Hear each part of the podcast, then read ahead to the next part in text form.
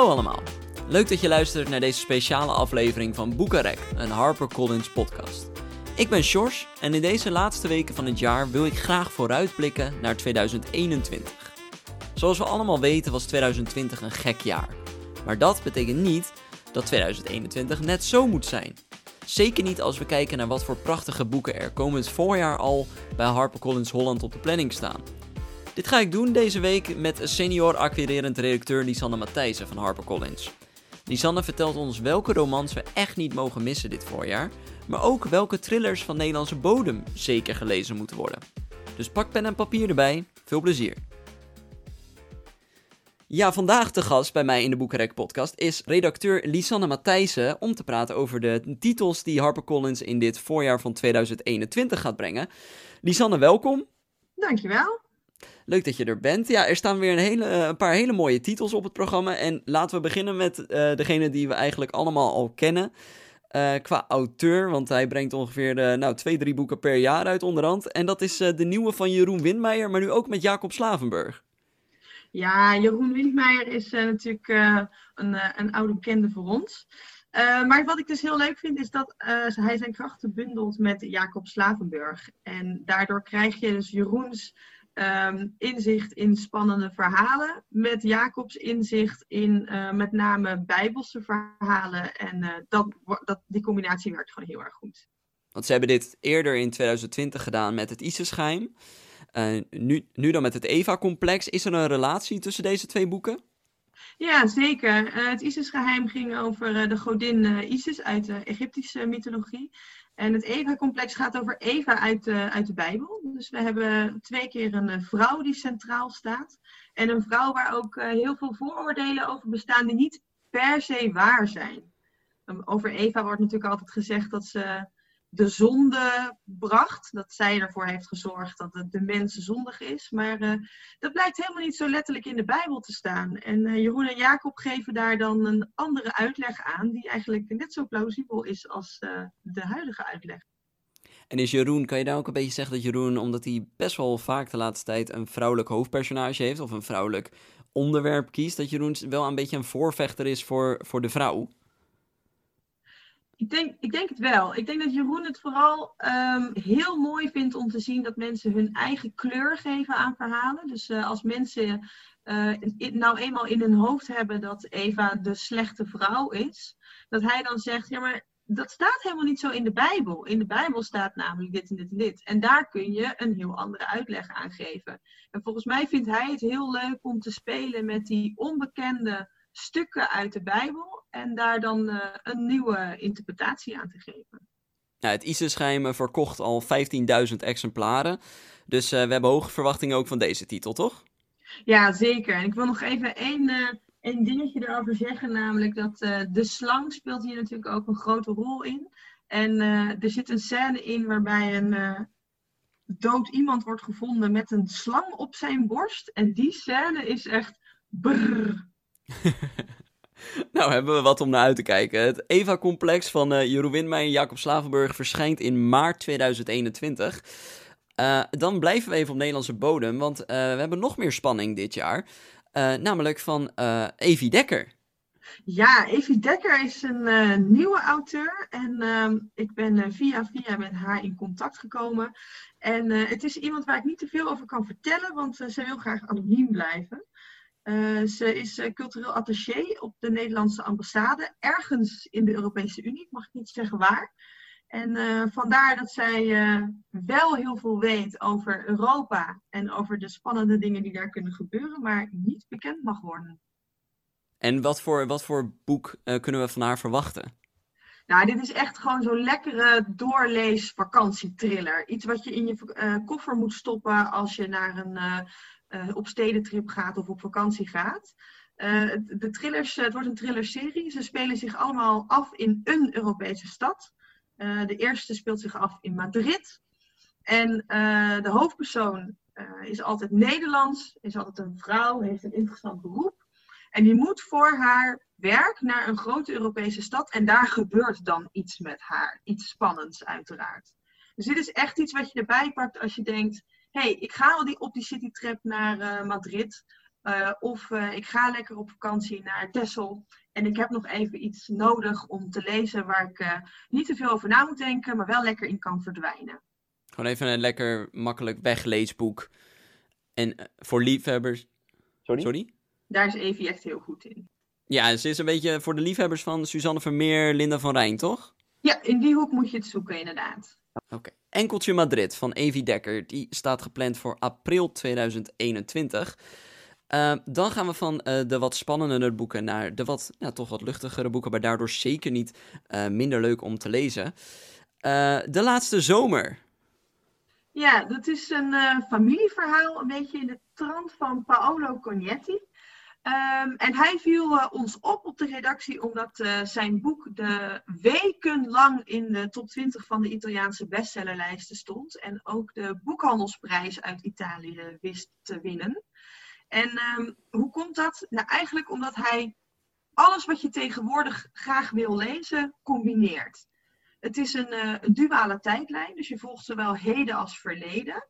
De hoofdpersoon heet Miranda en uh, je volgt haar zowel als ze uh, bijna 100 is, als dat ze een klein meisje is. En uh, het speelt zich af in een tijd waar we ons alles bij voor kunnen stellen. Uh, het verleden speelt zich af in 1939. Dus als lezer weet je wat er komt, namelijk de Tweede Wereldoorlog. Maar de personages weten dat niet. En dat geeft een heel fijne dreiging die boven het verhaal hangt. En het speelt zich af in Italië, in Toscane. Daar kun je, kunnen we ons allemaal iets bij voorstellen. Uh, veel mensen zijn er geweest. En als je er niet bij bent geweest, dan zie je toch wel voor je hoe dat er daar dan uit moet zien. Uh, het is een familieverhaal. Er staat een groot geheim centraal. Uh, er is een verdwenen vader. Er is een geheimzinnige grootvader. Echt, noem het maar op. En dit boek heeft het gewoon. Dus als we allemaal voorlopig nog niet op vakantie kunnen vanwege alle maatregelen, kunnen we ons met dit boek toch wel een beetje wanen in, in, uh, in Italië. Je kunt je in Italië wanen, je kunt je in het verleden wanen. Het is gewoon perfect. Uh, als je Paolo Cognetti mooi vond, of je vindt literaire boeken in het algemeen erg mooi, het is breed toegankelijk en dan is het echt iets voor jou. En hij is Francesco Caroviglio, als ik het goed heb. Um, is hij uh, schrijver van beroep? Of uh, ja, wat is hij voor persoon? Ja, hij heeft veel meer geschreven in Italië. En zijn verhalen zijn ook vertaald naar, naar andere landen. Maar hij is nog nooit vertaald naar het Nederlands. En wij kwamen hem echt tegen van... hé, hey, wat, wat doet hij daar eigenlijk zo hoog op de Italiaanse bestsellerlijst? Wie is die man? En uh, dat, dat gaan we nu allemaal zien eigenlijk vanaf april 2021. Erg mooie cover moet ik zeggen. Je waant je wel echt meteen in Toscane. Ja, uh, ik ben er ook helemaal verliefd op. Ja, nee, dat geeft wel meteen. Het zet wel goed de sfeer. Dus als je een beetje Italië-fan bent. Uh, en toch een beetje van het literaire roman houdt. En gewoon lekker je in het verleden of in de zomer wil wanen. Dan is de laatste zomer van Francesco Caraviglio zeker een, een aanrader. Um, als we naar een andere gaan, uh, dat is een, een boek wat eigenlijk het, het, qua genre best wel populair is natuurlijk de laatste tijd. We denken allemaal aan uh, Sally Rooney, dus Normal People. En, en, en dan komen we opeens bij Mac Mason. Ja, dit, dit was het boek waar heel HarperCollins, en dan bedoel ik dus heel HarperCollins wereldwijd, uh, in één avond verliefd op werd. Uh, het is een boek van HarperCollins Australië en wij kregen dat als collega's allemaal uh, opgestuurd om te lezen. En één voor één kwamen de mailtjes binnen, eigenlijk vooral van vrouwelijke redacteurs, met auw, dit, doet, dit, dit boek doet pijn, zoveel waarheid bevat het. En één voor één vielen we er allemaal voor. het is ook het boek waar ik zelf ook om half acht s avonds vanaf mijn wintersportvakantie nog uh, naar de um, editorial manager appte van hey, volgens mij moeten we dit doen, want het, het blijft zo ongelooflijk in mijn hoofd zitten. Um, en dat komt eigenlijk omdat het zo herkenbaar en waar is. Uh, je zei al inderdaad, Sally Rooney. Dit gaat eigenlijk over een relatie. En dan een relatie die helemaal stuk loopt. Uh, je ziet een, een powerkoppel die al heel lang een relatie hebben. Ze hebben allebei goede banen, ze hebben geen kinderwens, uh, ze gaan leuke feestjes af. En dan zet Patrick, de man, die zet er eigenlijk van op de een op de andere dag een punt achter. Totaal out of the blue. En, en dat ziet de vrouw Martha helemaal niet aankomen. En uh, dan blijkt dat Martha zichzelf eigenlijk helemaal niet zo heel goed overeind kan houden. En dan blijkt ook dat ze eigenlijk toch wel een kinderwens had. Dus het gaat heel erg over, het gaat over relaties, het gaat over vrouw zijn, het gaat over psychische uh, aandoeningen. En het gaat om die uh, vraag, wil ik kinderen of niet? En ik, uh, ik heb het idee dat dat inderdaad ten eerste past in die trend van eerlijke vrouwenboeken. Maar eigenlijk ook een, nog een taboe is waar we het niet vaak over hebben. En Mac Mason weet dat op zo'n uh, doordringende, maar ook hele grappige manier te vertellen. Dat ik me niet kan voorstellen dat je dit boek weg kunt leggen. Eigenlijk omdat we er allemaal een soort van misschien onbewust van uitgaan dat elke vrouw wel een kind wil. Ja, heel erg. En dat het logische plaatje is uh, uh, sowieso erg heteronormatief. En daarnaast ook, hè, je vindt iemand, je trouwt daarmee, dan, dan moet je maar een kind. en dit boek stelt dat allemaal ter discussie. Uh, en dat vind ik heel erg prettig eigenlijk. Waarom denk je dat dat het eerlijke, dat dat tegenwoordig zo populair is? Want vaak lees je een boek uh, om een beetje te ontsnappen aan je eigen, ja, aan je eigen struggles, aan je eigen omstandigheden. En dan lees je een boek om een beetje te ontsnappen. Maar als je dan zo'n boek leest, dan kom je jezelf misschien wel juist tegen. Ja, ik denk dat allebei de, de, de zijden van de medaille bestaan. Soms heb je heel erg zin om ergens van weg te gaan. Maar ik denk dat goede literatuur ook wel vaak inzicht geeft in je leven. Ik vind het bijvoorbeeld zelf heel erg fijn uh, als ik een boek dichtsla, dat het dan nog in mijn hoofd blijft zitten en dat het niet meteen weg is. Uh, soms als ik een, bepaalde thriller lees bijvoorbeeld, hè, dan weet ik wie het gedaan heeft en dan denk ik oké, prima, het was leuk, ik heb me hier mee vermaakt en ik leg het boek weer weg. Maar soms vind je het ook gewoon heel erg fijn om iets nieuws te zien, iets, een nieuw inzicht op te doen uh, aan de hand van een boek. En uh, ik denk dat dat, uh, dat, dat, dat dit boek dat kan bieden. En wat je al zei, we maken makkelijk de, de link met Sally Rooney. Maar ik heb ook wel gelezen dat Mac Mason eigenlijk gewoon wel op de eigen benen kan staan. Ja, de boekseller die uh, schreef, uh, de vergelijking met Sally Rooney ligt voor de hand, maar Mason schrijft zelfverzekerder en volwassener. Oké, okay. En, en, trouwens, om nog even terug te komen op je vorige punt, denk ik ook, um, ja, je wil iets lezen omdat je er iets nieuws van wilt leren. Maar ik denk ook dat het uh, boek zich heel erg leent om over te praten. Dus in boekenclubs of met vriendinnen die hetzelfde boek hebben gelezen, dat je ook als je het dichtslaat denkt, poeh, ik, ik zie nu iets nieuws, maar ik moet het er ook nog even over hebben. Ja, ja een boek wat gewoon bij je blijft, waar je gewoon even over na moet denken en uh, dat met anderen weer moet delen. Dat, dat is dus uh, Leed en Lief van Mac Mason, verschijnt in mei 2021. Uh, ja, we gaan door, want er staan zoveel mooie titels op het programma. we gaan weer naar onze Nederlandse bodem, want daar zijn we met Feel Good koningin Gillian King met haar nieuwe boek Ik Vergeet Je Niet.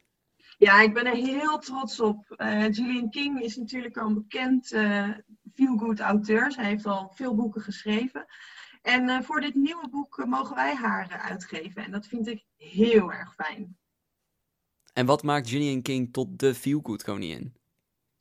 Um, ik vind dat ze heel erg volwassen feelgood schrijft. Dus ze volgt de regels van het genre. er is een meisje, er is een jongen. Zullen ze elkaar vinden of niet? En uiteraard hoef ik je niet te vertellen dat ze elkaar vinden.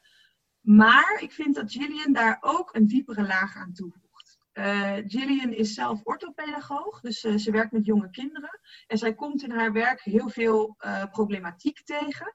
En zij probeert altijd um, een maatschappelijk probleem, iets wat we allemaal kennen, um, toe te voegen aan haar boeken. Uh, dus het gaat, uh, in dit geval gaat het over een overleden zusje dat een uh, grote rol speelt. En ook over het je altijd maar perfect voor moeten doen op social media. En dat daar soms iets heel anders achter schuil kan gaan. Dus ik vind het heel prettig dat ze een soort lichte, vrolijke, grappige, feelgood roman met een romantische lijn kan schrijven. Maar tegelijkertijd daar een diepere laag in weet te bewerken. En het is ook niet per se een feel-good voor, voor een twintigjarigen, voor twintigers. Het is wel echt een volwassen feel-good. Ik denk dat, dat een hele brede doelgroep dit kan lezen. Ik denk dat je je er heel erg mee vermaakt als je uh, studeert of nog net niet studeert. En ik denk ook dat het uh, langer blijft hangen dan dat. Omdat het niet focust op uh, standaard dingen zoals uh, hè, je studie vinden na de middelbare school of je eerste baan vinden. Het, het zijn ehm, wel hoofdpersonen van in de twintig, maar ik vind het dusdanig volwassen geschreven dat je het ook nog veel langer door kunt blijven lezen. Van haar vorige roman, die werd verkozen tot chicklit van het jaar op chicklit.nl. er zijn al van haar boeken al meer dan 30.000 exemplaren verkocht. ik denk dat dit genoeg zegt dat als je fan bent van dit genre en van Gillian King, dat je dit boek, ik vergeet je niet, gewoon moet lezen. En die verschijnt ook al eerder dan je, dan je zou denken, namelijk al in maart 2021. Nou, sterker nog, hij verschijnt nog net Eerder, ja, zodat we Valentijnsdag nog mee kunnen. Oh, dan, nou, dan gaan we in februari al. Nou, dan mag je hem zeker niet. Dan mag je hem zeker niet missen. Primeurtje. En, en het is ook op de pre-order. En dan heb je het op Valentijnsdag. Oh, kijk, dat, uh, die, die actie mag je zeker niet aan je voorbij laten gaan. dan gaan we naar een ander boek, wat ook denk ik een, een groot nou, misschien romantisch gehalte heeft, maar ook zeker verder gaat. Want het is een historische roman. De geheimen van Saffron Hall van Claire Marchant. Um, kan je daar wat over vertellen? Ja, we zien dat de vraag naar historische fictie heel erg toeneemt. En wij hadden ook altijd al een brede lijn met historische fictie, maar wij gingen eigenlijk nooit zoveel meer terug dan 1900.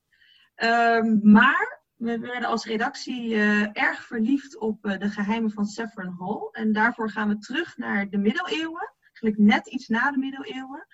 Um, naar het grote kasteel Saffron Hall. Um, en uh, gelukkig is er ook een hedendaagse lijn um, van een jong meisje dat tijdelijk bij haar opa gaat wonen op wat ooit dat kasteel Saffron Hall was. Um, er, stort een oude toren in tijdens een storm. Er komt een oude boek tevoorschijn. En dan beetje bij beetje weet dat meisje een vergeten tragedie te onthullen. En weer die duale tijdlijn, hè? Daar hadden we het net ook al met uh, laatste zomer. waarom is dat zo populair tegenwoordig? Ja, wij, wij willen dat ook heel graag lezen. We zijn er als redactie ook heel erg fan van. Het fijne van de duale tijdlijn is dat je altijd vanuit het heden naar het verleden kunt kijken. Dus je hebt het heden en daar ontdekken ze iets over het verleden. En um, waar je bij historische fictie altijd een beetje voor op moet passen, is dat het niet te historisch aanvoelt als, als je het leest. Dat het niet uh, in oude taal geschreven is, of dat, het, uh, of dat je niet goed begrijpt wat uh, de personages doen, omdat dat gewoon te ver van je vandaan uh, ligt. En het fijne van zo'n duale tijdlijn is dat je dus het heden hebt om ook te reflecteren op dat verleden. Je kunt wat dingen uitleggen. Je kunt samen met de personages ontdekken wat er in het verleden is gebeurd. Um, en ik vind het dus heel prettig als, er ook een, uh, als het ook op een moderne manier geschreven is. Dus dat je ook, ook de, de stukken over het verleden gewoon duidelijk en lekker door kunt lezen als moderne lezer. Ja, dus dat het niet als uh, zware kost uh, wordt, uh, wordt gelezen, maar dat je het gewoon inderdaad als een moderne roman gewoon kan lezen. Ja, of dat je bepaalde dingen niet begrijpt, omdat het gewoon in de middeleeuwen afspeelde en je ja. het gebruiken helemaal niet kent. Ja, dat, en daar is dit boek echt heel anders in. Ja, ik vind het dus heel fijn dat je zowel het uh, stuk in de middeleeuwen uh, is uh, heel meeslepend en, en tragisch. En dan heb je die, dat, die lijn in het heden om eigenlijk samen met de personages uit te zoeken wat er in het verleden dan gebeurde. Ja, precies. De geheimen van Saffron Hall van Claire Marchant verschijnt in april 2021. nou, Lisanne, ik wil jou heel erg bedanken voor deze toelichting van alle mooie titels die de, het komende voorjaar gaan verschijnen. En uh, ik denk dat we het allemaal gewoon uh, maar moeten gaan lezen. Dat denk ik ook. Kies er al in elk geval eentje. Nou, heb je alles in je agenda gezet? Volgens mij staan er weer een paar hele mooie boeken op het programma. Wil je alle besproken titels nou nog even rustig bekijken? Kijk dan vooral in onze voorjaarsbrochure op harpercollins.nl. En dat was het weer voor deze aflevering van de Boekenrek podcast. Voor meer gesprekken vind je ons op Apple Podcast, Spotify en alle andere podcast apps. Als je daar ook meteen even een 5 sterren review voor ons achterlaat, kunnen nog meer mensen genieten van gesprekken met hun favoriete auteurs. Volgende week spreek ik met redacteur Noor Houtakkers over de non-fictieboeken die dit voorjaar gaan verschijnen. Dus mis dit niet. Tot dan!